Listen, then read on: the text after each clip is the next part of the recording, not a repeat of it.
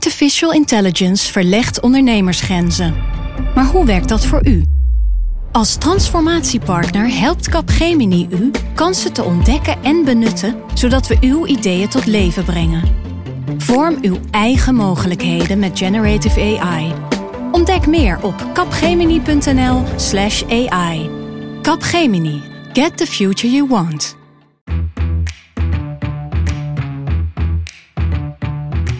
Dit is Haagse Zaken van NRC. Mijn naam is Lemia Aharouai. 2019 was het jaar van de akkoorden sluiten. In 2020 moeten die akkoorden ook ingevuld worden. In deze aflevering van Haagse Zaken kijken we uit op het komende politieke jaar. We vertellen je welke onderwerpen gaan spelen, over de grote beslissingen die de coalitie moet gaan nemen en waar je in 2020 nog meer op kunt letten. En we bespreken wat je hebt gemist als je in de kerstvakantie bezig bent geweest met heel andere dingen dan het nieuws. En dat doe ik met Guus Valk, chef van de politieke redactie, en Barbara Rijlerstam, politiek redacteur. Welkom allebei. Hoi. Hoi.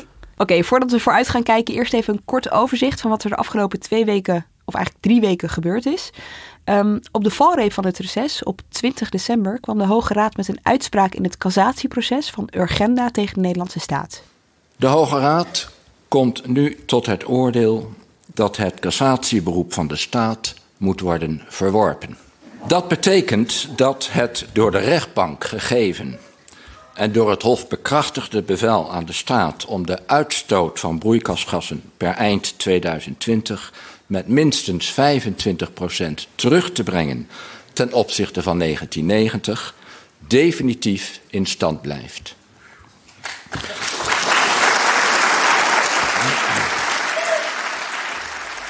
En dan luisteren we nog eventjes terug naar wat Erik Wiebes zei. Uh, dat is dus de minister van Economische Zaken. Uh, toen hij nog aan het nadenken was of hij in cassatie zou gaan tegen een eerdere uitspraak van de rechter. Het heeft te maken met de vraag of je vindt dat de rechter uh, het mag overnemen van politici. Uh, daarover uh, overwegen we uh, in cassatie te gaan. Het gaat er hier om wat de balans is tussen wat de rechter mag zeggen en wat de politiek besluit. En bij het ene hebben we het over het rechtssysteem en dat is zeer veel waard. En bij het andere over de democratie en dat is ook veel waard. Ja, eigenlijk maakte, het, maakte hij het op deze manier heel zwaar, hè, wat, wat de rechter uiteindelijk in cassatie uit zou spreken. namelijk de rechtsstaat, daar ging het uiteindelijk om. Ja, hij, hij verweet de rechterlijke macht bijna politiek activisme hier vind ik best een vergaande uitspraak. Precies, precies. En de rechter zelf ook, want uh, je hoorde hem net, Streefkerk, dat was de rechter die die uitspraak deed, die uh, maakte daar korte metten mee in zijn uitspraak. Um, hij zei de uitvoering van het klimaatbeleid komt inderdaad toe aan parlement en regering, maar het is uiteindelijk aan de rechter om te beoordelen of dat beleid wel binnen de grenzen van het recht blijft. Uh, ik quote even, dat is een wezenlijk onderdeel van de rechtsstaat. En daarmee is dit hele proces natuurlijk, uh, de afgelopen vijf jaar is het kabinet vooral bezig geweest met procederen tegen dat vonnis. Um, ja, hiermee heeft hij er echt een punt achter gezet, zou je zeggen, de rechter. Ja, dat, dat houdt nu dus op, want uh, hoger dan de Hoge Raad kun je niet gaan. Dus, dus vanaf nu moet het inderdaad het kabinet naar minstens een kwart minder CO2-uitstoot ten opzichte van 1990. Daar is nu niks meer aan te doen. Um, Eind volgend jaar al. Dat is ontzettend ja. snel. Maar ja, daardoor, dat hebben ze natuurlijk een beetje zelf in de hand gewerkt door al vijf jaar lang uh, bijna te, te traineren. Um, uh, ze hadden natuurlijk ook al destijds bij de eerste uitspraak uh, van, de, van de gewone rechter, zal ik maar zeggen, voordat ja. we dat hele lange juridische traject ingingen, natuurlijk ook al met maatregelen kunnen komen. Dus de, de, de, de prijs die je moet betalen nu is natuurlijk veel hoger. Want nu moeten ze naar 9 miljoen ton uh, CO2, zeg ik zeg het goed? Ja. ja. Uh, dat, is, dat is ongelooflijk. Dat haal je niet met één kolencentrale. Nee. Gaan we het straks nog uitgebreider over hebben. Eerst nog eventjes naar uh, een ander onderwerp dat de afgelopen weken speelde. En eigenlijk nog wel even door blijft spelen. En dat is vuurwerk. En de slachtoffers die jaar na jaar tijdens oud en nieuw vallen. Goedemorgen op deze eerste dag van het nieuwe jaar. Bij een brand in een flat in Arnhem zijn een man en een jongetje van vier jaar om het leven gekomen. En een vrouw en een meisje raakten gewond. In Ede bekogelt een groep van ongeveer 30 tieners hulpverleners met vuurwerk. Jongeren van rond de 14 jaar oud. Het Oogziekenhuis in Rotterdam heeft het, naar eigen zeggen, in jaren niet zo druk gehad met het behandelen van slachtoffers van vuurwerk. De politie wordt in Breda bekogeld met zwaar vuurwerk. En ook daar moet de ME worden ingezet. 15 miljoen euro aan schade was er ook, Barbara, aan vuurwerk. En dan ontstaat er altijd zo tegen oud en nieuw een gesprek. Zijn altijd wat politici die beginnen over een vuurwerkverbod. Maar dit jaar is het toch anders. Ja, ja elk jaar is het weer raak. Hè? Je, je ziet brandstichting, je ziet geweld tegen hulpverleners. Die worden belaagd met vuurwerk. Uh, nou ja, doden, gewonden. Um, je kunt je inmiddels bijna afvragen wie er niet meer voor een strenger vuurwerkbeleid is. En dat zag je ook dit jaar. Hè? Het was weer grimmiger dan het jaar daarvoor. Die 15 miljoen schade is ook weer substantieel hoger dan vorig jaar. Um, en je ziet nu dat allerlei politici pleiten voor een uitbreiding van, uh, van dat vuurwerkverbod. Zelfs binnen de VVD en het CDA. En dat zijn toch de regeringspartijen die de afgelopen jaren zo'n aanscherping steeds uh, tegen hebben gehouden. Zij vinden normaal gesproken dat de bestaande regels maar eerst eens wat beter moeten worden nageleefd. Dat beeld kantelt nu. En dat hebben we deze week als Haagse redactie ook echt goed onderzocht. We zijn een, een rondgang gaan doen langs burgemeesters in Nederland van CDA en VVD-huizen. Mm -hmm. Omdat dat dus juist de partijen zijn ja, die nog om moeten gaan? Ja, die om moeten gaan. Nou ja, dat, uh, uh, wij vinden natuurlijk niet wat ze, wat ze zouden moeten doen. Maar uh, je hoort gewoon de geluiden vanuit lokale politici die ja, druk uit beginnen te oefenen op hun landelijke top. Van doe eens wat. Hè? Wij roepen al jaren dat het zo niet meer gaat. Nou ja, dat zag je nu ook met een aantal uh, ja, hooggeplaatste burgemeesters, zoals uh, Johan Remkes, die tijdelijk in Den Haag zit. Uh, die riep de VVD op uh, tot, een, tot een verbod. Ook Jan van Zanen, de burgemeester van Utrecht. Wouter Kolf, de burgemeester van Dordrecht. Allebei VVD'ers. Mm. Die vinden dat er iets moet gebeuren. Nou ja, het is nu donderdag. Hè? We nemen deze podcast op donderdag op. Dus we hebben als Haagse redactie nog niet alle burgemeesters kunnen spreken. Er, er volgen er nog een paar. Uh, maar ik kan al wel wat tussenstanden, ja. dus bijna eindstanden uh, delen. Uh, we zien dat vier op de tien burgemeesters die door ons zijn ondervraagd voor een totaalverbod op vuurwerk is. En um, meer dan 60% vindt dat in ieder geval de vuurpijlen en het knalvuurwerk in de ban moeten. Dus bij dat totaalverbod komt ook het consumentenvuurwerk erbij. Weet je wel, die sierpotten ja. uh, mogen dan ook niet meer. Ja, we hadden zelfs een burgemeester gesproken uh, van Sliedrecht, Bram van Hemmen, een CDA, die zelf vuurwerk in zijn gezicht heeft gekregen. Een, een salut shell was dat, van 10 centimeter. Die was dat dit jaar? Een, ja, dit jaar. Ja. Uh, ik sprak hem. Hij, hij vertelde dat hij, ja, misschien wat naïef zei die van mij, maar hij wilde met die jongeren in gesprek proberen te komen. Dus hij liep op ze af en ze rolde zo'n bal van 10 centimeter naar hem toe. En die ontplofte op een paar meter van hem vandaan. Dus ja, die, die knal of hè, die, dat vuurwerk zelf komt dan natuurlijk toch tegen je gezicht en je kleding aan. En? Ik bedoel, hoe gaat nou, het hij had Nee, hij heeft er niks aan overgehouden. Het is op genoeg afstand uh, dat het eigenlijk ja, onschuldig is, maar het was wel echt voelbaar, zei ja. hij. Dus hij was zich rot geschrokken. Hij heeft er ook een filmpje van gemaakt. Uh, dat heeft hij op internet geplaatst. En daar kwam ook weer heel veel reacties op. Hè? Mensen spreken echt van een oorlogsgebied. Dus de boodschap van de burgemeesters die wij spraken is... ja, er is een grens bereikt, jongens. Er moet iets gebeuren en uh, ja, drastischer dan voorheen. Dus vier op de tien uh, CDA- en VVD-burgemeesters die jullie hebben gesproken... die is nu voor een totaalverbod. Ja. Um, hoeveel burgemeesters hebben jullie gesproken? We hebben er meer dan 70 benaderd. En tot nu toe hebben we er 50 meegewerkt. Maar er komen er dus nog een paar. Dus ja. uh, we komen echt ruim boven de 50 uit. Ja, en je ziet ja. dus die druk de afgelopen tijd wel toenemen. Uh, je zag ook wat, wat, uh, wat VVD'ers of CDA'ers die bijvoorbeeld erover gingen twitteren zelf. Dus ja. los van het partijstandpunt. Je zag Klaas Dijkhoff die zich op een gegeven moment gedwongen voelde bijna om een... Nou ja, zo schreef hij het ook bijna op. Hè, om een zeer lange Facebook poster aan, aan te wijden. Wat schreef Klaas Dijkhoff? Uh, ja, die ging op zijn Facebookpagina dus heel uitgebreid in op de, de opgeleide discussie. Um, en hij schrijft dat hij zich niet zo snel onder druk gezet voelt. Uh, dat is natuurlijk ook een beetje de Klaas Dijkhoff toon die we kennen. En dat hij grondig wil nadenken over de juiste balans in de discussie. Uh, in verbieden die hap en doen alsof je het probleem daarmee oplost, ziet hij niet zoveel, schrijft hij. Het grappige is dat deze verklaring op verschillende manieren wordt geïnterpreteerd. Want de een zegt, oh, hij biedt een opening. Uh, misschien is de VVD toch wel uh, te porren voor zo'n vuurwerkverbod. En de ander zegt, oh nee hoor, hij houdt gewoon vast aan wat hij altijd al zegt. Um, dus ja, dat, dat moet, moeten we de komende tijd gaan volgen. Om wat lezen jullie erin? Uh, ja, eigenlijk niks. Ik zie nog niet dat hij echt opening biedt. Hij zegt dat hij altijd grondig nadenkt en altijd discussieert in de fractie. Ehm, maar ja, dat doet hij over elk onderwerp waarschijnlijk. Ja, dat doen ze over elk onderwerp. En uh, ik vond het opvallend overigens dat we Pieter Heerma dus helemaal niet hebben gehoord. De tijdelijke uh, CDA-fractievoorzitter. Die heeft zich niet uitgesproken. Ja. Uh, terwijl ook in zijn partij dus de, de druk echt toeneemt. En, en, en de roep ja, in zijn richting klinkt om, uh, om iets te doen. Een van de CDA-kroonprinsen liet wel van zich horen. Hè? Dat was Wopke Hoekstra. Was ook best wel vaag wat hij zei. Die zei uh, uh, dat we de vuurwerktraditie zoals we die nu kennen opnieuw moeten wegen. Nou ja, dat was meer dan wat Dijkhoff heeft gegeven. Dus wat dat betreft vond ik het nog wel een redelijk opmerkelijke uitspraak van, van de Hoekstra. Ja, maar wat is iets opnieuw wegen? Nou ja, daar zag ik toch wel duidelijk in dat hij toch wel neigt naar een verbod. Of in ieder geval naar een overheid die, uh, die grenzen stelt. Ja. Dus. Maar wezenlijk verschilt het niet van wat Dijkhoff zegt. Want die wil dus ook allebei de kanten wegen. Nou ja, we moeten dit gaan volgen en, en zien wat het, uh, wat het concreet oplevert. Uh, meteen na de jaarwisseling heeft GroenLinks een initiatiefwetsvoorstel aangekondigd. Samen met de Partij voor de Dieren. Uh, deze twee partijen werken samen aan een landelijk vuurwerkverbod. En zij willen het liefst al het consumentenvuurwerk verbieden. Dus, ja. Ja, behalve heel licht kindervuurwerk.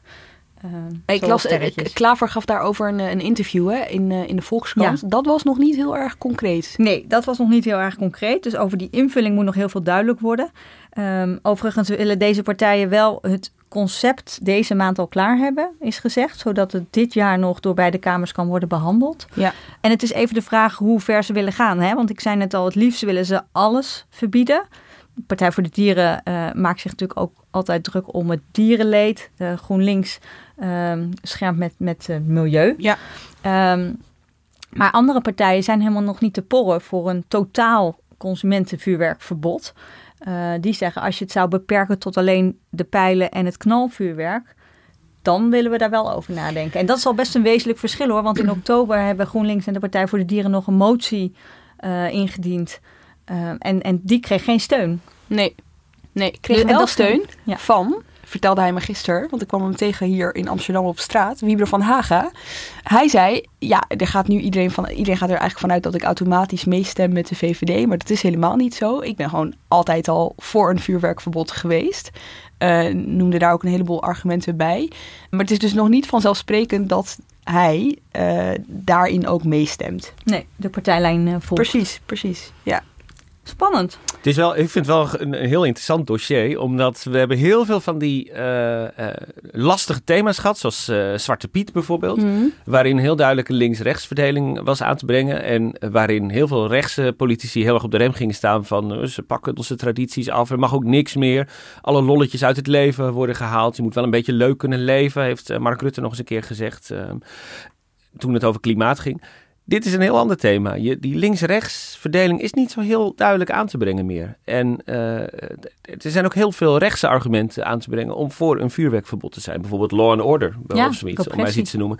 Dus, um, dus ik vind het een heel interessant thema. Dat laat zien dat, uh, dat, dat zeg maar, traditie en, het, en, en de nieuwe tijd die aanbreekt en uh, identiteit. Want je kan daar van alles bij halen natuurlijk als het om vuurwerk gaat. Uh, dat dat helemaal niet meer altijd in beton gegoten is. Ik vind het een heel interessant thema ja. wat dat betreft. Hoe zou dat komen dat dat met vuurwerk wat minder zwaar telt? Of dat dat argument eigenlijk bijna niet klinkt? Ik denk dat het ook komt omdat er ook, uh, ja, je, je, je, je kan als rechtspoliticus, uh, dat, dat merkte ik ook wel toen ik met een paar uh, VVD-burgemeesters praatte, kan je natuurlijk ook heel duidelijk zeggen van, ja, luister, dit, dit is gewoon niet meer vol te houden. Dit is zo'n enorme aantasting van de openbare orde. Uh, eentje was echt heel erg geschrokken omdat hij rondreed tijdens Oud en Nieuw en een groep van 15 jongeren zag die allerlei dingen aan het opblazen was. En hij bij zichzelf merkte dat hij dus niet uit durfde te stappen om die jongeren aan te spreken. Ten, daar gaat er toch wel echt iets mis. Dus ik denk dat het daar ook mee te maken heeft. Vrijdag kwam het kabinet dus met een standpunt hierover. Nou ja, het enige wat we nu kunnen zeggen is check nrc.nl. Dan vind je het daar terug. Oké, okay, 2020 begon ook internationaal onrustig, Guus. Het ging veel over Irak en Iran. Zeker. Uh, de, uh, het, begon allemaal natuurlijk met, uh, met een escalatie in Irak, waarna Amerikaanse drones een einde aan het leven maakten van Qasem Soleimani, Iraanse topgeneraal en eigenlijk het, het, het, brein, zou je kunnen zeggen, van Irans buitenlandse politiek. dus een enorme kans op escalatie in, in de regio. En dat heeft ook Nederlandse gevolgen. ten eerste hebben wij gewoon Nederlandse uh, een Nederlandse trainingsmissie op dit moment in Irak. We werken ook mee aan een NAVO-missie in Irak.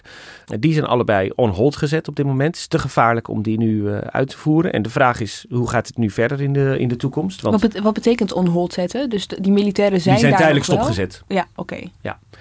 Ten tweede hebben wij uh, onze medewerking beloofd aan een Europese missie in de straat van Hormuz. Mm -hmm. um, waarin wij een fregat gaan leveren dat dan uh, ja, toezicht gaat houden. Het, dat is eigenlijk een anti-piraterijmissie, want uh, het is een hele lastige straat daar, die straat van Hormuz. En daar gebeurt nog alles wat met, met gekaapte fregatten, et cetera.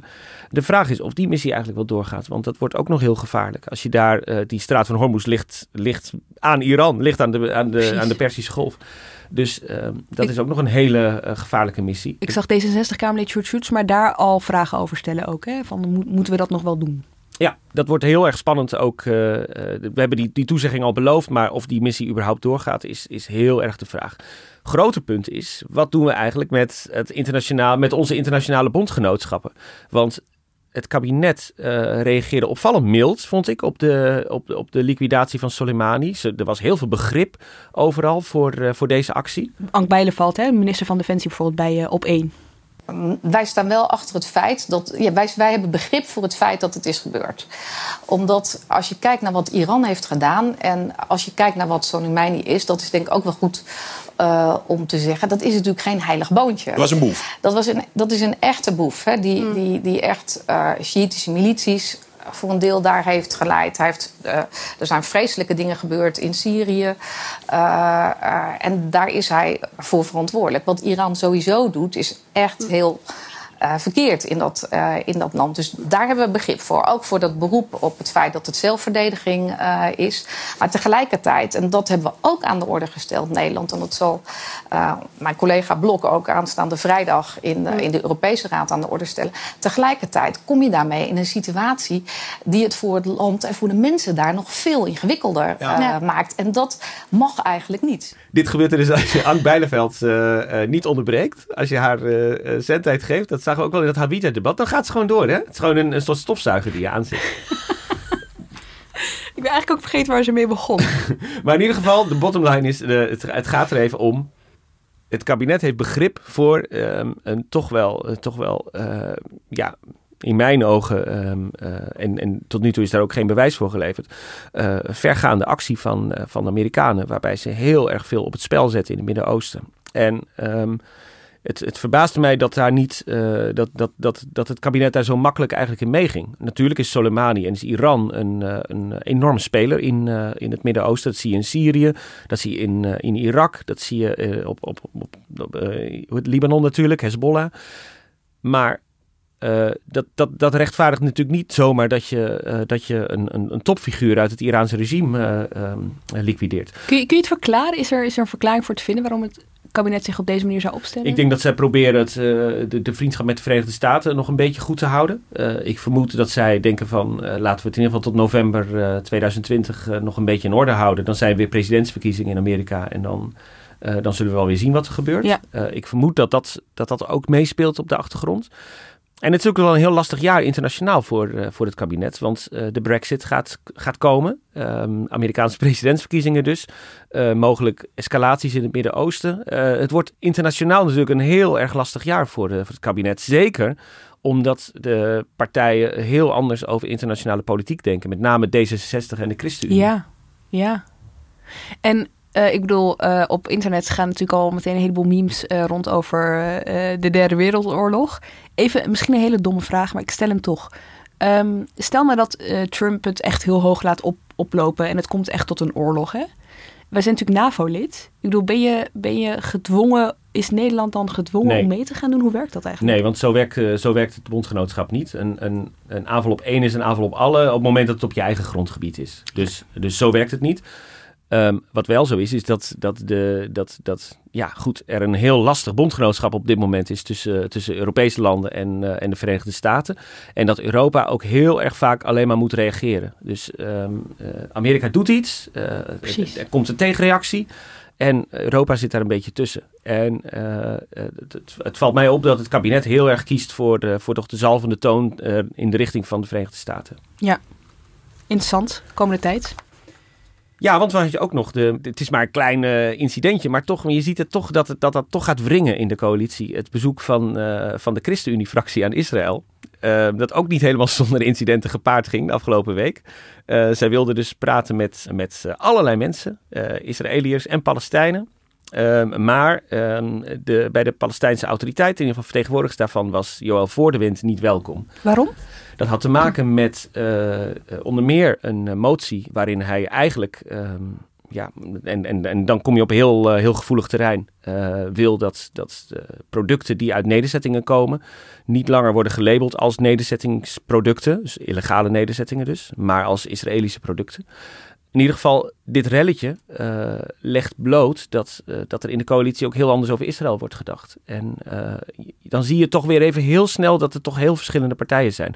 Want D66 begon al meteen een beetje de ChristenUnie te pesten eigenlijk met, met dit, dit voorval, dit incidentje die zeiden van ja, dat krijg je ervan als je, als je, uh, als je zo ideologisch in dit conflict staat. Ja. Uh, het zijn natuurlijk dingen die normaal gesproken niet zo heel veel uitmaken eh, in, in, in de Haagse werkelijkheid, maar die toch wel even tellen op het moment dat het even wat minder soepel loopt. Het zijn druppeltjes, hè? Ja. Die emmer die wordt natuurlijk gevuld en dan kunnen dit soort druppeltjes ineens toch wel bepalend zijn. Absoluut. Wat, wat gingen ze daar eigenlijk doen, de ChristenUnie? Was het gewoon een werkbezoek? Het was een werkbezoek, voor de wind had het voorbereid, uh, waarin, de, waarin de ChristenUnie natuurlijk zeer pro-Israël is. Mm. ja, de banden weer een beetje wilde aanhalen, weer een beetje wilde horen wat er allemaal, uh, wat er allemaal speelt. Uh, een beetje zo'n uh, zo'n fact-finding mission, zou ik wel zeggen. Van de internationale politiek weer even terug naar de Nederlandse politiek. Want volgend jaar, eerste jaar zonder verkiezingen. Maar ook het jaar waarin de partijen zich alvast gaan klaarmaken voor de verkiezingen van 2021. Tenminste, als het niet misgaat. Hè? Ik bedoel, dit is de planning. Dit is wat er nu op de website van de kiesraad staat. Maar uh, we weten nog nooit hoe het af kan uh, lopen. En um, ja, de grote thema's, die kunnen we voor een deel al wel um, bepalen. Of die zien we eigenlijk al voor een deel. En de eerste daarvan is klimaat en stikstof. We hadden het net al eventjes over Urgenda. Um, daar moeten ze nu echt iets voor gaan doen. De afgelopen vijf jaar zijn ze veel bezig geweest met procederen, inderdaad. Het meest concrete wat ze hebben gedaan gebeurde vorig jaar. Dat was het sluiten van de Hemwegcentrale, hè, een kolencentrale. Maar Guus, daarmee zijn ze er nog lang niet. Jij noemde net al dat getal van 9 miljoen ton CO2-uitstoot, ja. wat nog in een jaar tijd teruggebracht moet worden. 9 miljoen ton. En volgens mij met die Hemwegcentrale heb je er 1,9 uh, gehaald, uh, als ik het wel heb. Dus daar moet nog heel erg veel gebeuren. Dit is een eerste stap, maar ook niet meer dan dat. Uh, dat betekent inderdaad dat, dat, dat, het kabinet nu met hele grote maatregelen gaat, gaat komen.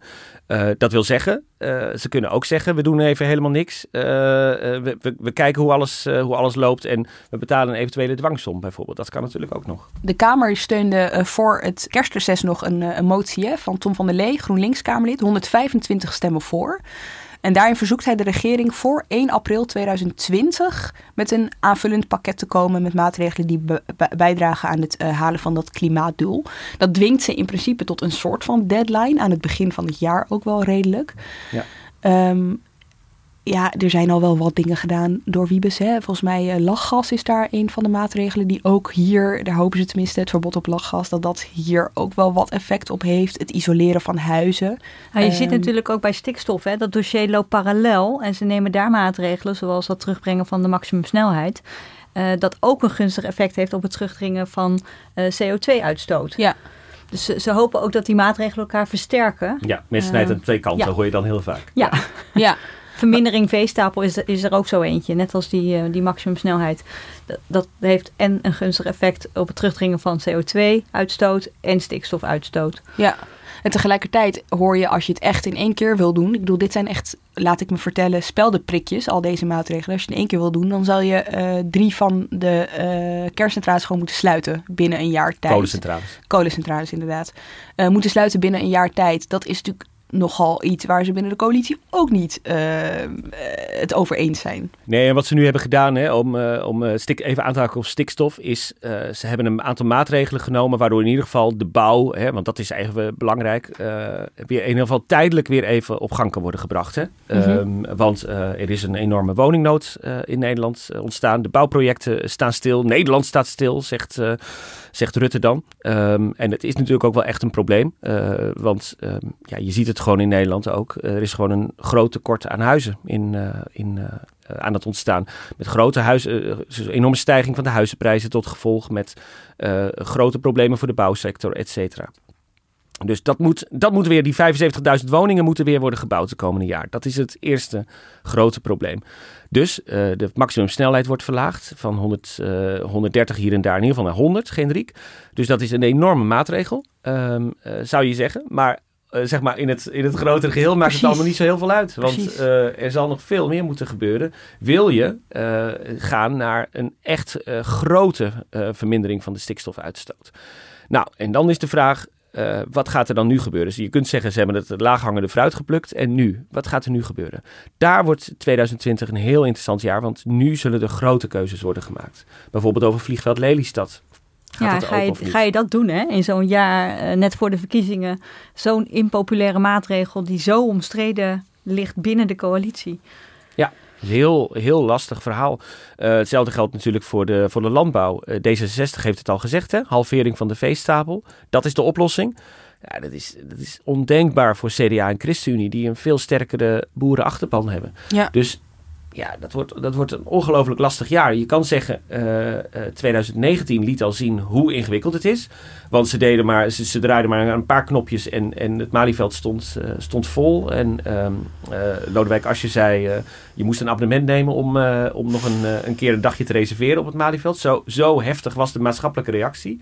En, en het duurde al maanden voordat ze met die met klein, ja, kleine laaghangende fruit kwamen. Ja, hè? Ik bedoel, die uitspraak van de Raad van State was in mei. En pas aan het eind van het jaar kwamen er een paar, uh, paar maatregelen doorgecijpeld. En nu moeten de, inderdaad, de, nu moeten de grote beslissingen worden genomen. Nou, dat wordt, dat wordt nog een hele lastige, want um, uh, we, zitten wel in een pre-verkiezingsjaar. Dus um, uh, partijen gaan met lijsttrekkers komen. Partijen willen niet hun eigen achterban tegen het hoofd stoten. Nou, dat is al best lastig als het om stikstof gaat voor een aantal partijen. Dus ja, dat wordt ontzettend ingewikkeld. Dan heeft de VVD best wel wat ingeleverd. Hè? Want die 130 kilometer uh, maatregel, dat deed hun gewoon heel erg pijn. Uh, daar hadden ze ook een hashtag omheen uh, bedacht en zo. Om maar te vertellen dat het voor hun enorm rottig was. Rotmaatregel. Rot, precies. Ja, um, maar nu komen dus de echte maatregelen. Moet ik het dan zo zien dat de VVD nu dus zeg maar even niet aan de beurt is? Nou, dat zouden ze zelf heel graag willen. Maar dat lijkt me uitgesloten. Want ze moeten allemaal gaan bewegen. En uh, ja, de rest weet ook hoe graag de VVD uh, wil blijven regeren. Of in ieder geval dit kabinet weer tot een succes wil maken. En tot het einde wil, uh, wil volmaken. Dus het is niet logisch dat de VVD nu niks meer hoeft in te leveren. Of geen concessies meer hoeft te doen.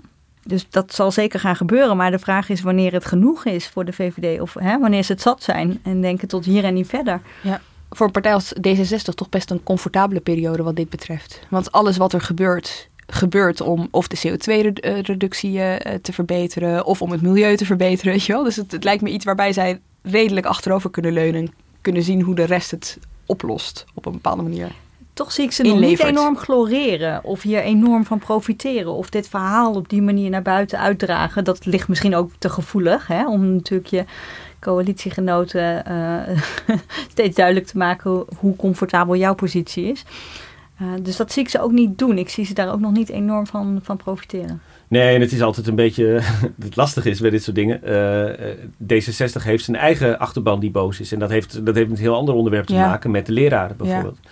Dus uh, want daar, is, daar zijn D66-kiezers weer ongelooflijk boos over. Dat, dat, hoe, hoe is het mogelijk dat in de tijd van zoveel economische voorspoed uh, de publieke sector er zo ontzettend uh, op apengapen bij ligt? En kijk eens naar hoe ongelooflijk moeilijk het is nu om leraren te vinden, hoe slecht ze worden betaald. We hebben nu straks eind van de maand twee dagen dat de scholen dicht gaan.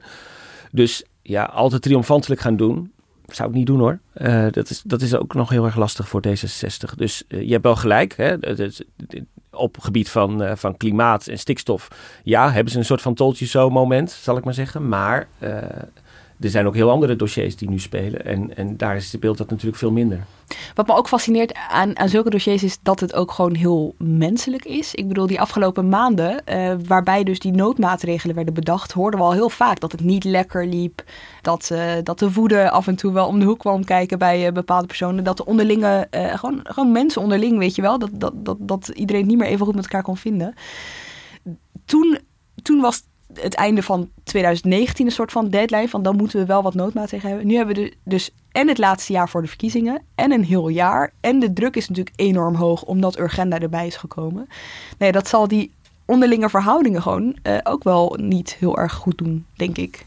Nee, dat denk ik ook. Um, dit, wordt, dit wordt het jaar eigenlijk dat dat, dat, dat nog even waargemaakt moet worden. En, en dat ze het nog wel uh, in ieder geval uit moeten zingen. Dus het lastige is natuurlijk dat, uh, dat, dat, dat voor al die vier partijen geldt dat, dat, dat het chagrijn er een beetje in is gekropen. Daar zijn ze ook best open over, hè?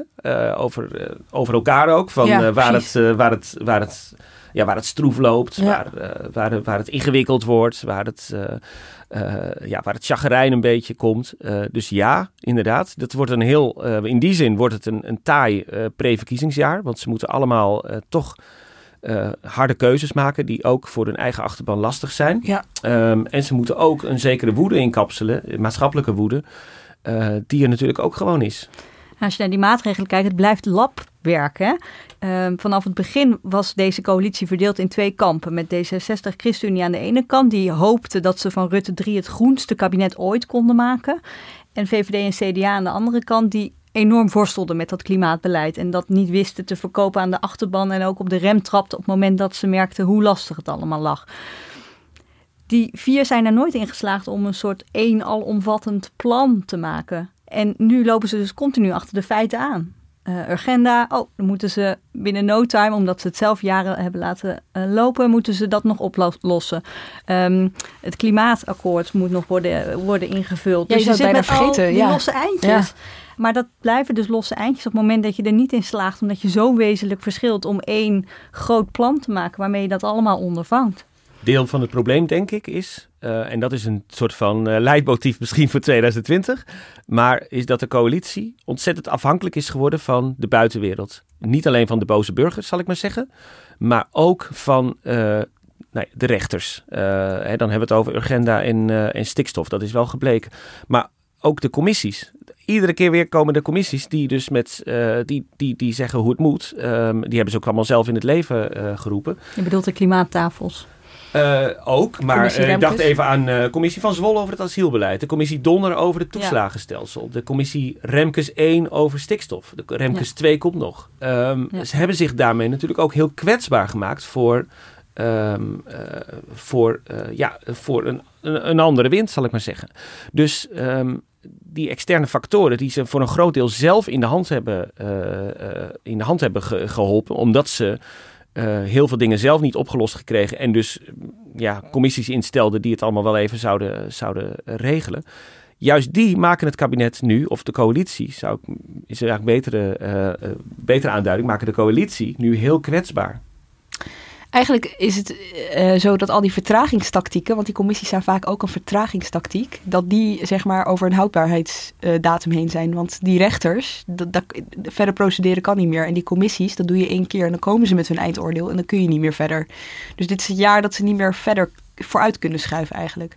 Overigens is het met Urgenda nog wel interessant dat het CBS komt altijd in mei met de cijfers uh, over de broeikasuitstoot. En die over 2020 komen dus in mei 2021. Dat is dus twee maanden na de Tweede Kamerverkiezingen. Dat betekent dus voor dit kabinet dat ze pas in mei 2021, als ze al klaar zijn, ja. uh, horen of het is gelukt of niet met de uitstoot terugbrengen. Dat kan dus een ja, pijnlijk begin zijn van een ja. nieuw kabinet straks. Ja. En tot die tijd kunnen ze zeggen dat ze er alles aan hebben gedaan. Precies. Uh, dan is er, we hadden het net al over het klimaatakkoord dat nog verder moet worden ingevuld dit jaar. Dat geldt net zo goed voor het pensioenakkoord. Uh, voor de zomer was het natuurlijk een jubelstemming. Van nou, negen jaar onderhandelen is er eindelijk een pensioenakkoord. Uh, het was het huzarenstukje van de minister van Sociale Zaken, Wouter Koolmees. Um, maar die moet dit jaar wel weer een nieuw kunstje flikken. Want ja, het gaat nu om de invulling. En dat is echt super ingewikkeld. Ik zal de techniek uh, besparen. Daar hebben we al eerder een keer een Haagse zaak over opgenomen. Um, maar wat ze bijvoorbeeld nog moeten bepalen is... in hoeveel jaar moet je nou hoe groot deel van je pensioen bij elkaar sparen? En ja, zoals je weet staat de rente al heel lang heel laag. En dat is gewoon ontzettend um, nadelig voor al die doorrekeningen van die scenario's. Ehm, dus ja, dat, dat is echt heel erg lastig nog voor Wouter Koolmees. En alle partijen die daarbij betrokken zijn. Hè, want het heeft niet voor niks negen jaar geduurd ja. voordat het pensioenakkoord tot stand kwam. Alle sociale partners zijn daarbij betrokken. Uh, in, in dit geval ook Partij van de Arbeid en GroenLinks, omdat uh, de coalitie geen meerderheid heeft in de Eerste Kamer en dus moet samenwerken. Ja, ja dat, dat wordt dit jaar ook heel, heel erg spannend. Er is één voordeel: iedereen wil eruit komen, want niemand wil vast blijven zitten in het huidige pensioenstelsel. Oké, dus genoeg te doen dit jaar. En dan komt er ook nog eens een onderwerp bij, tenminste gelanceerd door uh, tenminste twee politici afgelopen kerstreces. En dat is migratie. Ja, migratie is altijd een, een uh, hot item. En zeker in aanloop naar verkiezingen uh, komt dat op. En ja, uh, Mark Rutte gaf zijn traditionele kerstinterview in de Telegraaf. Ja. Eind december. met de opvallende kop vond ik premier Mark Rutte dubbele punt Schengen in gevaar. Ik dacht, nou, uh, ja, wij weten allemaal wat het betekent, maar weet de gemiddelde lezer dat ook? Uh, maar kennelijk is het zo ingeburgerd dat uh, de koppenmakers van ja, de Telegraaf dachten dat dit kon. Maar op dit ja, punt is het gewoon heel interessant om te zien wat er gaat gebeuren. Um, Mark Rutte gaf een aftrap. Hij zei dat het hoofdpunt in Europa volgend jaar migratie wordt en dat Schengen onder druk staat. Het is interessant om te zien wat de VVD gaat doen op dit punt, want zij voelen de druk uh, op dit terrein al jaren van Geert Wilders en de PVV. Uh, Thierry Baudet en Forum voor Democratie hebben het hier natuurlijk ook over. Uh, en het is heel erg lastig voor de VVD om hier iets tegenover te zetten. Want ze zijn natuurlijk al jaren verantwoordelijk voor het kabinetsbeleid. dus voortdurend kunnen de PVV en, en, en Forum voor Democratie zeggen... ja, u heeft het allemaal zelf gedaan de afgelopen jaren. Als u het anders wil, waarom, waarom doet u dan niks? Rutte uh, is heel erg pro-Europa. Als je echt iets wil bereiken, dan moet je wat doen met de grenzen. Dus dan ga je tornen aan die afspraken van Schengen. Dan kom je op grenscontroles uit. Nou, dat is ja, bij VVD is vloek in de kerk misschien niet de beste vergelijking, maar dat is voor de VVD vloek in de kerk. Ja, ja dus, dus hoe ver wil hij daarmee gaan? Hè? Uh, en daarmee krijgt hij natuurlijk steeds weer de kritiek van Geert Wilders en Thierry Baudet. Van ja, wel mooie woorden, maar geen daden. In het verleden niet, nu weer niet. Um, ja, wat voor geluid kan Rutte daar vertolken. Hè? Het blijft altijd een beetje rechtslight, omdat hij nu eenmaal al jaren samenwerkt met linksere partijen ja. en kabinetsbeleid uh, moet verdedigen. Het gevaar is dan ook dat je blijft hangen in loze beloften steeds ja. en dat je daarop wordt gewezen door die partijen. Ja, en het CDA uh, uh, had natuurlijk ook een aardige aftrap op dit terrein, maar CDA en VVD kunnen heel moeilijk hier het verschil maken onderling, want ze zitten gewoon heel erg op één lijn. Ja. Um, ja, dus wat dat betreft is het uh, interessant dat ze allebei dat aandurven. Ja, want Hugo de Jonge deed natuurlijk hetzelfde. De andere kroonprins van het CDA bij ons in de krant. Uh, ik interviewde hem samen met uh, Peter de Koning. En migratie was voor hem ook wel echt een van de hoofdthema's als we hem vroegen naar zijn zorgen voor Nederland de komende tijd. Nou ja, breder demografische ontwikkeling. En dan begon hij over natuurlijk over de vergrijzing. Maar hij zoomde toch wel heel nadrukkelijk in op migratie en dan vooral op de voorspelbaarheid van migratie. Hij zegt het overkomt ons nog te veel. Uh, Nederland heeft een migratiesaldo van, nou ja, toen wij hem spraken was dat nog 80.000. Inmiddels is dat 114.000 uh, per jaar. Dat is het saldo migranten dat in Nederland blijft als je het aantal emigranten aftrekt van het aantal immigranten. Wat blijft er dan eigenlijk in Nederland over? Dat is volgens hem ligt dat echt veel te hoog. En dat gaat dus niet alleen om vluchtelingen, dat vond ik wel heel erg interessant, maar het gaat ook om arbeidsmigranten, om mensen die hier komen werken. We wonen natuurlijk in Europa, vrij verkeer van personen. Dus Bulgaren of Polen die hierheen komen, hij vraagt zich af, ja, is dat wel goed voor Nederland en is dat wel goed voor Bulgarije of voor, voor, voor Polen? Op zich vond ik dat ook wel interessant dat hij zich daar zo nadrukkelijk mee wilde profileren. Want alles wat hij nu doet, en dat geldt ook voor Wopke Hoekstra, alles wat ze doen, dat zien we als een soort van profileren. Um, en dat hij zich zo nadrukkelijk buiten zijn eigen terrein begeeft, hè? Precies, precies. Heb je daar een verklaring voor, een tactische verklaring? Waarom komt hij nu met een streng verhaal over migratie?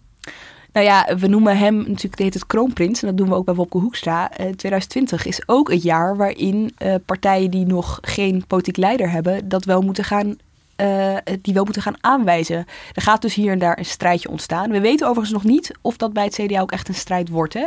Dat moet, moet nog bepaald worden. Het kan ook zo zijn uh, dat het partijbureau zegt: ja, we gaan er toch voor om als partij één persoon te kiezen. Hebben ze nog geen knoop over doorgehakt. Maar je ziet wel heel nadrukkelijk, ook als je, er Hugo, als je Hugo de Jonge uh, er weer naar vraagt, dat ze zijn er allebei heel nadrukkelijk mee bezig. Hij noemt het dan mijmeren, erover mijmeren. Ja, dit zijn steentjes in vijvers gooien en kijken wat wel of niet, uh, wat wel of niet werkt bij, bij, bij achterban. Ik ben wel benieuwd, hè? als het partijkantoor uh, iemand voordraagt, mag je dan nog wel uh, diegene uitdagen? Stel, ze dragen Bob Hoekstra voor, mag Hugo de Jonge, die zoveel heeft gemijmerd en heeft bedacht dat hij toch wil, mag hij dan die strijd zelf aanzwengelen? Oh, dat is een goede vraag. Dat, ik weet eigenlijk niet precies hoe dat zit. Komen we ongetwijfeld op terug in Ja. de loop van dit jaar. Ja, maar de tactische keuze voor hen is wel... Kijk, nu hebben ze er wat aan, hè. Dat ze twee mensen hebben. Het is een luxe positie. Ja. Die je allebei naar voren kan schuiven. Het zegt wat over de partij. Hè. Zij hebben het allemaal in huis. Maar de grens, en dat is ook een beetje intuïtief, is wanneer wordt het schadelijk? Wanneer wordt het schadelijk voor elkaar? En ik vond het wel opmerkelijk dat afgelopen eh reces stond Wopke Hoekstra eh, in het AD. Overigens op dezelfde dag als Hugo de Jonge in het FD stond met een interview. En Wopke Hoekstra ehm, sprak zich daarin heel stevig uit over de zorgkosten. Ja, Eh, wat natuurlijk op. totaal niet zijn terrein was. Nou ja, als minister van Financiën mag je het over alle kosten natuurlijk Tuurlijk. hebben. Maar hij koos de Het was een zorgkosten. opvallende keuze. En hij zei daarin, ik citeer even, de zorg heeft het vermogen om als een koekoeksjong andere vogeltjes uit het nest te duwen. Nou ja, als je die twee mannen volgt, dan denk je toch van, nou ja, wat moet ik al hier allemaal voor symbolisch in lezen? Was mij ook opgevallen. Ja, ja. Ik vond dat heel, eh, heel opmerkelijk uitspraak hoor van eh, Wopke Hoekstra. Ja, hij kan natuurlijk zeggen van ja, ik heb dat eerder gezegd. Want ook in de HJ schoollezing heeft hij natuurlijk ook over de uitdijende zorgkosten gehad, Ja, geloof ik. dat Waren toen de, Ja. de woorden. En over de verzorgingsstaat die, die niet te verder, eh, die, die niet te groot mag worden. En dat past ook wel een beetje in zijn, eh, eh, zal ik maar even kort zeggen, zijn rechtse verhaal. Ja. Stoere verhaal, eh, eh, harde verhaal. Maar het eh, d- d- gaat uiteindelijk hierom natuurlijk. Wopke Hoekstra eh, eh, heeft, een, eh, heeft een andere, eh, hoe moet je zeggen, een andere beat, een ander, eh, ander verhaal, een andere uitstraling dan, eh, dan Hugo de Jonge. En je ziet bij allebei, zie je dat ze hier en daar gewoon nu grensgevechtjes aan het eh, voeren zijn. Dus ehm, bij Hugo de Jonge zit het nu eventjes, die laat nu even bij migratie zien wat hij... ehm, eh, wat hij waard is. Dat er niet alleen maar een, eh, een eh, dat, dat er niet alleen maar een soort linkse smaak is en een soort rechtse smaak. Wopke Hoekstra doet dat natuurlijk ook wel af en toe. Ehm, eh, weet je wel, die wil ook proberen laten zien dat hij, dat hij ook wel degelijk een, een verhaal van compassie heeft, zal ik maar zeggen. Dus ehm, je ziet nu wel heel erg die twee zich tegenover elkaar ehm, eh, bewegen. En ook zich afzetten af en toe van elkaar, ze elkaar weer opzoeken. Ja. Ehm, dus ik denk dat het CDA in die zin eh, nu wel eh, duidelijk begint, eh, ja, een, duidelijke fase begint in te gaan van strijd. Dit draagt wel een risico in zich. Hè? Als je je buiten je eigen terrein begeeft, ja, dan kan je wel een stoer verhaal vertellen. Maar als daarna wordt doorgevraagd. En je kunt niet echt doorbijten. Want ja, wat ga jij er deze kabinetsperiode aan veranderen? Nou, niks. Want ik ga niet over, eh, in het geval van Hugo de Jonge, migratie. Ja, dan blijft het een beetje zo'n lege huls. En dan prikken mensen daar ook heel makkelijk doorheen. Dus het is wel leuk om je te profileren eh, en, en allerlei zijwegen in te slaan. Maar het kan ook fout gaan. Wat me overigens nog opviel over migratie, omdat we Hugo de Jonge daar zo nadrukkelijk over spraken. Ik las nog even die HJ schoollezing terug van eh, Hoekstra. Hoe liet die zich er ook weer uit? Die richtte zich heel nadrukkelijk op de nieuwkomer. Hè. Die, eh, daarvan vond hij dat ze te vaak niet hun best doen voor de samenleving. En bij Hugo de Jonge ging het veel meer over, ehm, nou ja, eigenlijk meer over de politiek. En hoe die nadenkt over dus, hè, dus waar, waar eh Wopke Hoekstra zich meer richt op het individu, op de nieuwkomer, ging het bij Hugo de Jonge veel meer over het land en hoe dat zich eh, inricht en nadenkt over migratie. Vond ik nog wel een eh, opmerkelijk verschil. Daar, daar, daar zag ik wel een verschil in echt. Nog een partij waar het eh, gaat spelen, deze kwestie, is de VVD. Zullen we daar maar eens even mee beginnen? Ja, er is genoeg om uit te kiezen. Absoluut, ja. Rutte. Ja, Rutte moet deze zomer gaan nadenken. Of hij moet. Hij, hij heeft aangekondigd dat hij deze zomer gaat nadenken of hij doorgaat. Ja, ik kan natuurlijk niet helemaal voorspellen, maar ik denk dat hij, dat hij het echt nog niet weet. En dat er ook dingen zijn waar hij serieus over na moet denken. Als zittende premier kan je natuurlijk nooit zeggen dat je twijfelt, want dan ben je weg. En dan krijg je dus dit soort teksten, zoals Rutte een tijdje terug bij Pauw. Ik doe het nu ruim negen jaar. Ik heb nog iedere dag evenveel plezier erin. Het eergevoel. Het is een functie die, het, die de potentie heeft om goede dingen te doen. Dat lukt niet altijd. Maar heel vaak wel. En dat is ontzettend motiverend. Dus u gaat door? Als ik vandaag moet besluiten, absoluut. Maar ik besluit het volgend jaar zo. Maar dan moet ik gewoon kijken, op dat moment heb ik de ideeën, de energie. Dan zou ik het vandaag moeten besluiten. Ja, Geen twijfel. Uh, ik heb laatst in Haagse Zaken wel voorzichtig gezegd dat ik denk dat hij doorgaat. Maar er zijn ja, echt afwegingen die hij moet maken. En vooral, hij is waarschijnlijk de eerste die zijn keuze gaat maken. De rest wacht. Wat doet de premier? Dus Rutte moet er al rekening mee houden dat hij bijvoorbeeld Wopke Hoekstra tegenover zich krijgt. Nou, bij de, bij de VVD zijn ze behoorlijk bang hoor voor Wopke Hoekstra. Want het is toch een nieuwe, veel frissere figuur. Acht jaar jonger. Uh, populair bij ondernemers in het bedrijfsleven echt een, een ander type het is dan ook wel Sibran Buma. Ik bedoel, hè, je moet even denken, neem je het op tegen Sibran Buma en Alexander Pechtold... of tegen Wopke Hoekstra en mogelijk Sigrid Kaag. Dus Rutte moet heel goed nadenken. Ben ik nog fris genoeg om, om daar weer een toch fris verhaal van mezelf tegenover te plaatsen? Kleeft er niet te veel aan me? Ben ik niet te voorspelbaar geworden? Vinden mensen me niet ja, zo vervelend van de afgelopen tien jaar dat ze me eigenlijk beu zijn? Uh, je ziet premiers uh, lopen, hoe dan ook, op een gegeven moment tegen hun houdbaarheidsdatum aan. En dat moet je eigenlijk voor zijn. Uh, Rutte kent als historicus alle voorbeelden uit, uit de politieke geschiedenis. En hij zal er ongetwijfeld over nadenken. Hoe ga ik zorgen dat ik dat voor ben? Hè? Dat, dat, die metaalmoeheid en dat mensen me echt niet meer kunnen luchten of zien. En dat het een soort afgang wordt als je nog langer doorgaat. en dat iedereen achteraf zegt, ja, achteraf toch een periode te lang doorgegaan. Dat, dat moet hij zien te voorkomen. En dit zijn dingen ja, waar hij echt op een rustig moment, helemaal alleen waarschijnlijk, of met hele naasten, uh, over na moet gaan denken. Uh, en het is ja, moeilijk, wat ik zeg. Uh, neem je het op tegen Sibrand Buma en Alexander Pechtel, die iedereen kent. En die kan je zelf ook wel inschatten. Of je neemt het op tegen de nu nog onbekende opponent. Maar wie moet het dan doen bij de VVD? Ja, dat is de vraag. Klaas Dijkhoff had echt een rot einde van 2019. Hij was echt de kroonprins van de VVD. Uh, en er ontstond een heleboel heisa over zijn uh, wachtgeld en zijn reiskostenvergoeding die hij ten onrechte had gekregen. Het is nu de vraag of hij daar weer bovenop kan krabbelen. Ik denk dat hij bij de partij nog, nog wel veel krediet heeft, maar dat hij het bij het publiek toch grotendeels heeft verbruikt. Ja, de komende maanden moet gaan blijken of hij, of hij dat beeld van zichzelf eigenlijk weer kan gaan herstellen. Hè? Of hij zijn imago weer kan opvijzelen. Is er iemand anders? Ja, Edith Schippers wordt voortdurend genoemd. Ik vraag me af wat ze daar bij DSM van vinden. Want sinds vorig jaar is zij daar de baas van DSM Nederland. En elke keer, uh, ook voor burgemeester van Den Haag, komt haar naam weer voorbij. Uh, uh, er wordt ook stevast gedacht dat zij toch weer in beeld komt als Rutte niet doorgaat. Ja, ik, ik kan heel moeilijk inschatten of die stap naar DSM hè, die deur nou definitief heeft dichtgegooid. Of, of dat ze dit gewoon als tussenstap doet en, en er wel serieus voor open staat. Wat zegt het over de grootste partij van Nederland? Dat je dus niet een rijtje hebt van mensen die je eventueel nog naar voren kan schuiven, weet je wel? Dus blijkbaar was alle hoop gevestigd op Klaas Dijkhoff dan de afgelopen jaren. Ja, volgens Rutte uh, zijn ze heel goed bezig met het klaarstomen van, uh, van talent. En staan er meerdere talenten klaar straks als hij mocht besluiten. Uh... Maar een premierskandidaat is niet een talent. Een premierskandidaat ja. is iemand die ja. staat, die al lang ja. meegaat, toch? Nou ja, ze hebben gewoon goud in handen met Rutte. Rutte is zo'n uh, uh, goede campaigner gebleken, zo'n stemmenkanon. Is echt, ik ben uh, als VVD-watcher een paar keer met hem op pad geweest.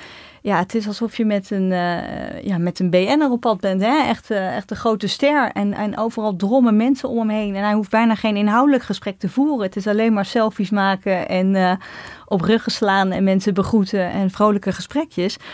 Um, ja, dat, dat stemmenkanon zie ik inderdaad niet bij anderen. En daar hebben ze te weinig werk van gemaakt, zou je kunnen zeggen. Op het moment dat wij nu niet iemand kunnen bedenken uh, die dat op die manier kan invullen. In de geschiedenis is natuurlijk ook wel gebleken dat het heel lastig is voor een juist grote partij om uh, met een, met een ja, een, beetje geloofwaardige opvolger te komen. Want Wim Kok uh, had het probleem Melkert. Lubbers had het probleem Brinkman. Um, Balken en heeft ook. natuurlijk ook ja. heeft hetzelfde probleem natuurlijk ook gehad. Dus en bij Balken was het nog anders, hè? want daar dacht het CDA in de luxe positie te verkeren om uh, talloze kroonprins te hebben. Jan Kees de Jager, Camille Eurlings, uh, Maxime Verhagen. En één voor één ja, vielen ze weg. En dat zie je eigenlijk bij de VVD ook gebeuren. Hè? Ook, ook daar één voor één uh, verdwijnen ze van het politieke toneel ook Janine Hennis bijvoorbeeld, hè, die is ook exit lijkt me, want die is gewoon te politiek kwetsbaar geworden. Uh, ze moest aftreden als minister van Defensie uh, na het Mali-rapport. Kon toen niet terugkeren in het kabinet, want dat zat er te kort op. Uh, nu zit ze in Irak en kreeg ze van de huidige minister van Defensie nog een trap na over de manier waarop ze de Kamer heeft geïnformeerd over de burgerdoden bij Hawija. Dus ja, zo iemand zit nu in Irak. Ja, die zie ik ook niet zomaar terugkeren om het lijsttrekkerschap op zich te nemen. Je noemde haar net al eventjes, hè? Sigrid Kaag, minister van Buitenlandse uh, Handel en Ontwikkelingssamenwerking. D66er, nou ja, die heeft zich soort van inmiddels al uitgesproken. Het gaat altijd heel voorzichtig, maar soort van uitgesproken op de nacht van NRC uh, dat ze het wil gaan doen. Hè? De nieuwe uh, lijsttrekker worden van D66. Rob Jetten, daarvan kunnen we inmiddels ook al vaststellen dat hij, dat hij het wil gaan doen. Um, daar klonk lange tijd nog een derde naam uh, Kajsa Ollongren, uh, minister van Binnenlandse Zaken, die is ziek. Die is eventjes uit de running. Ik hoorde Ank Bijleveld uh, afgelopen week zeggen dat ze nog wel een maandje weg is. Kwam er overigens redelijk vertwijfeld uit, want ze zei het. En je zag haar denken, van, had ik dit moeten zeggen of niet? Dat had eigenlijk niet mogen zeggen natuurlijk. um, maar ik moet heel eerlijk zeggen, van, van Ollongren heb ik me altijd al een beetje afgevraagd is die naam nou vooral genoemd omdat het leuk is om twee vrouwen te kunnen noemen op een rijtje? Want ik heb haar zelf weinig zien doen de afgelopen, uh, afgelopen kabinetsperiode of nee, uh, afgelopen jaren eigenlijk.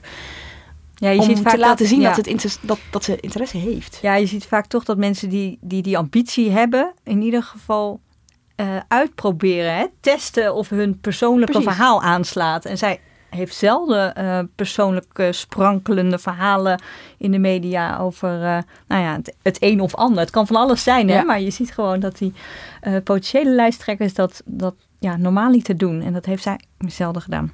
Ja, je ziet bij Kaag natuurlijk, die uh, gaat speech na speech af. En dan als je dat uh, zegt hè, de, bij, aan de mensen om haar heen, dan zeggen ja, ik krijg nou eenmaal die, die, die uitnodigingen. Um, bij, bij Ollongren is dat gewoon ook wel wat minder. En uh, Jette zelf, uh, die was er ook wel duidelijk over hoe die de komende tijd uh, die lijsttrekkersstrijd zag. Hè? Ja, kijk, jullie hebben nu uh, Kajsa en Secret hier op het scherm staan. Dan, ja. dan, dan, mis ik eigenlijk ook nog Wouter Koolmees. Die, die zegt namelijk heel vaak dat hij niet wil, dus dan ja. weet je ook genoeg. Uh, nee, maar, ja, maar van, van deze twee dames, kijk, de, de, de vicepremier is natuurlijk al een tijdje met ziekteverlof. Dus ik zou zeggen one down and one to go. Ja. Uh, dat is een eh, heel opvallend fragment dat ik totaal had gemist, eerlijk gezegd, toen ik uh, onder de kerstboom zat. Maar uh, uh, wat hier gebeurt is, Rob Jette is aan het koken met Xander van der Wulp en Joost Vullings. even om de setting duidelijk te maken, want je hoort een soort hakblok. Precies. Um, en nou ja, vrolijke boel, babbel de babbel. Um, maar uh, op een nogal venijnige wijze, uh, nogal onaangename wijze eigenlijk, uh, neemt hij daar even afscheid van de kandidatuur van Kajsa Longren. En laat hij ook wel merken dat hij zelf ook wel ambities heeft voor het lijsttrekkerschap. En ehm, ja, wat, wat, wat, wat ons dat leert, dit fragment, is A, dat, dat, dat Jette wil. En B, dat, dat, dat D66 geen gezellige club is. C, uh, dat, uh, dat, dat Sigrid Kaag uh, de laatst overgebleven serieuze uitdager van Jet is geworden. Ik denk dat Kaag wel wil. Ik denk dat Jette ook wel wil. En dat, dat het een hele bijzondere lijsttrekkersstrijd wat dat betreft gaat worden. Want ja, goed, ze hebben Jette daar natuurlijk gevraagd: wil jij het doen? Jette heeft het gedaan. Ehm, maar ondertussen weten ze bij D66 natuurlijk ook wel ja, dit, willen wij, uh, willen wij echt, echt meedoen in de, in de premierstrijd, dan uh, hebben we met Kaag natuurlijk wel een, een, een ander kaliber in huis. Met alle respect. Dus dat heeft er ook mee te maken dat Kaag. Um, dat, dat haar biografische verhaal natuurlijk interessanter is. Um, zij spreekt een grotere groep aan omdat zij vrouw is. er zijn heel veel kiezers die het tijd vinden voor een vrouwelijke premier die we nog nooit hebben gehad. Um, Progressieve kiezers vooral, hè? die zouden heel snel voor een vrouw gaan. Uh, uh, dus ook GroenLinks bijvoorbeeld, daar, zijn ze, daar zullen ze redelijk huiverend kijken naar uh, wat daar gaat gebeuren. Want Kaag als premierskandidaat, nou ja, ik kan me voorstellen dat ze daar ook wel wat GroenLinks of misschien zelfs PvdA-kiezers weg kan trekken. Maar jongens, premierskandidaat, we hebben het over D66, hè, die nog nooit de grootste zijn geworden. Dus het is ook wel een beetje nemen wel een hele flinke aanloop. Nee, nou ja, het is hoe je je presenteert, hè? Dus het is hoe jij je in zo'n campagne presenteert. Ik, ik denk eh, dat zij denken dat zij met Kaag, die toch een, vooral een hele morele boodschap heeft gehad. En die zich overigens de komende tijd ook wel wat meer op wat meer vlakken wil gaan presenteren. Ik las laatst dat ze uh, in het voorjaar een, een, een, lezing wil gaan houden over een sociaal-economisch onderwerp. Uh, wat natuurlijk ook ver van haar afstaat. Waarvan vaak wordt gezegd van, heeft ze dat wel in zich? Weet je wel, oké, leuk die morele boodschap, maar kan ze meer dan dat? Als zij dat doet en ze is de enige vrouw en tegenover haar staat Mark Rutte, die dus al heel lang meegaat, of Wopke Hoekstra, een soort Mark Rutte, als je het even heel zwart-wit bekijkt. Dan kan ik me voorstellen dat ze het zelfvertrouwen gaan krijgen om te denken, ja, we hebben wel die premierskandidaat in huis. Het gaat niet ineens om de vraag, eh, zeg maar, uh, kunnen wij de grootste worden of niet? Het gaat er wel om, denk ik, dat zij kunnen uh, laten zien dat zij hiermee een, een, een, ja, een, een, een groot kanon in huis hebben. Um, het heeft A, inderdaad mee te maken dat zij vrouw is. Het heeft er ook mee te maken dat zij van buiten de politiek komt en uh, ook een soort van uh, verwondering altijd uitstraalt. Um, het heeft er ook nog eens mee te maken dat zij uh, katholiek is. En dat zij niet um, een normaal, normaal gesproken, hè, D66 vist, vist, natuurlijk altijd in een seculiere vijver. Dat is ook weer anders met Sigrid Kaag. dus ja, dat, dat verandert denk ik ook wel de calculatie bij Mark Rutte eventueel. Dat hij kan zien van, kijk, nu is hij natuurlijk ook wel een beetje koning in een, in een situatie uh, dat, dat we, uh, dat, dat we uh, geen echte leider hebben bij het CDA, dat we geen echte leider hebben bij D66. Ja, dat verandert op het moment dat Sigrid Kager is en dat Wopke Hoekstra er is. Ja. Even, leiders zijn één. Dit is ook het jaar waarin de verkiezingsprogramma's worden geschreven. Um, ik kijk heel erg uit naar het CDA wat dat betreft. Want we hebben al even een sneak peek mee kunnen krijgen uh, met uh, het visiestuk dat er werd gepresenteerd uh, afgelopen jaar. Het is gewoon heel interessant om te kijken hoe een partij die eigenlijk een beetje heeft gezwabberd afgelopen jaren, wat meer naar rechts is opgeschoven, hoe presenteert die zich in het verkiezingsprogramma? Met andere woorden, welke stroom binnen de partij trekt aan het langste eind? Bij de VVD ben ik ook heel benieuwd, want ja uh, Klaas Dijkhoff heeft niet voor niks een discussiestuk gelanceerd vorig jaar. Hij, hij, wil juist voorkomen dat het verhaal wat sleets wordt na al die regeringsjaren. Ja, uh, ja ook daarin zit de vraag wat daar uh, allemaal van, van stand houdt en wat er overeind blijft en terugkomt in het verkiezingsprogramma. Wordt dit een echt middenklasse verhaal? Ja, dat... Ja. Uh... En bij D66, ik bedoel, we hebben even een voorproefje kunnen, uh, een voorgerecht noemen dit Tjeerd de Groot het zelf, het Kamerlid, uh, kunnen krijgen hè, over de halvering van de veestapel. Zij gaan er het hardst op achteruit in de peilingen. Dat, dat is ook onveranderd gebleven, eigenlijk een soort van stabiele factor.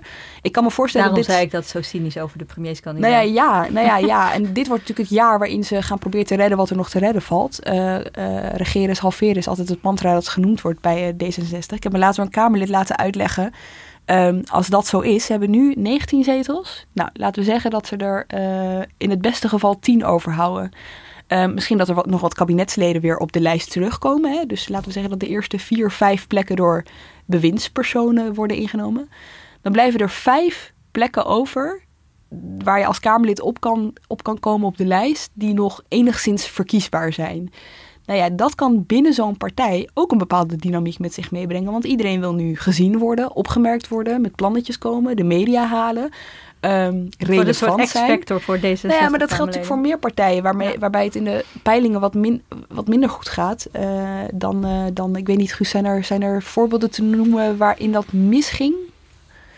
Nou ja, het is natuurlijk heel vaak misgegaan op dit moment. Eh, met, met, met, uh, met partijen die gaan regeren en, en, op, en daar een hele, hele zware prijs voor betalen. Dus uh, dat, dat, dan kan je helemaal teruggaan naar, naar, de, naar het CDA bijvoorbeeld met, met, met Elko Brinkman. Maar, je, maar het meest recente voorbeeld is natuurlijk Lodewijk Asscher, die, dat, die dan natuurlijk ook weet hoe dat is.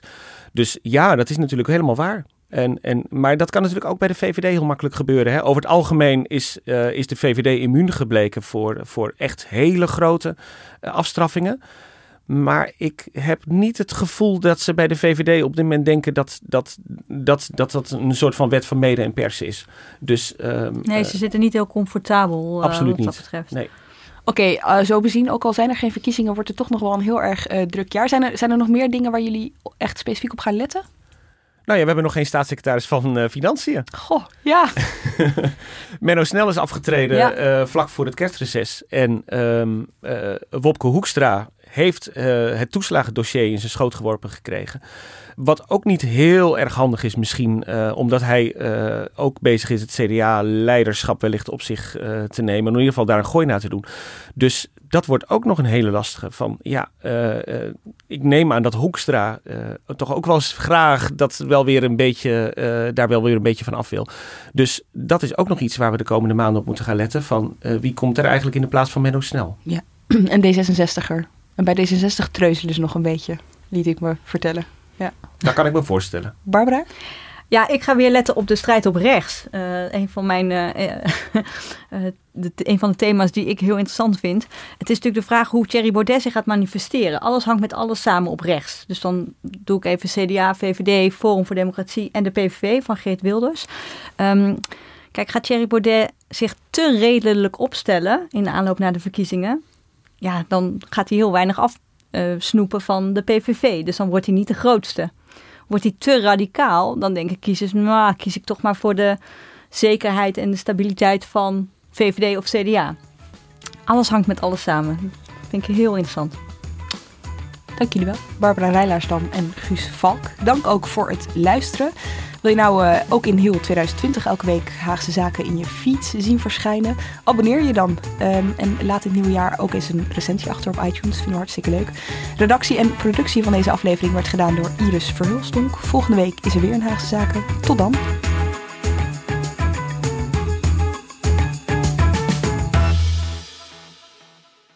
Ik ben al jaren ondernemer, maar waar moet ik eigenlijk allemaal aan denken nu ik voor het eerst personeel wil aannemen, voor het eerst ga importeren of voor het eerst een bedrijfslocatie zoek? Weet wat je wel of niet moet doen bij zaken die je voor het eerst oppakt. Check kvk.nl voor praktische stappenplannen. KVK, hou vast voor ondernemers.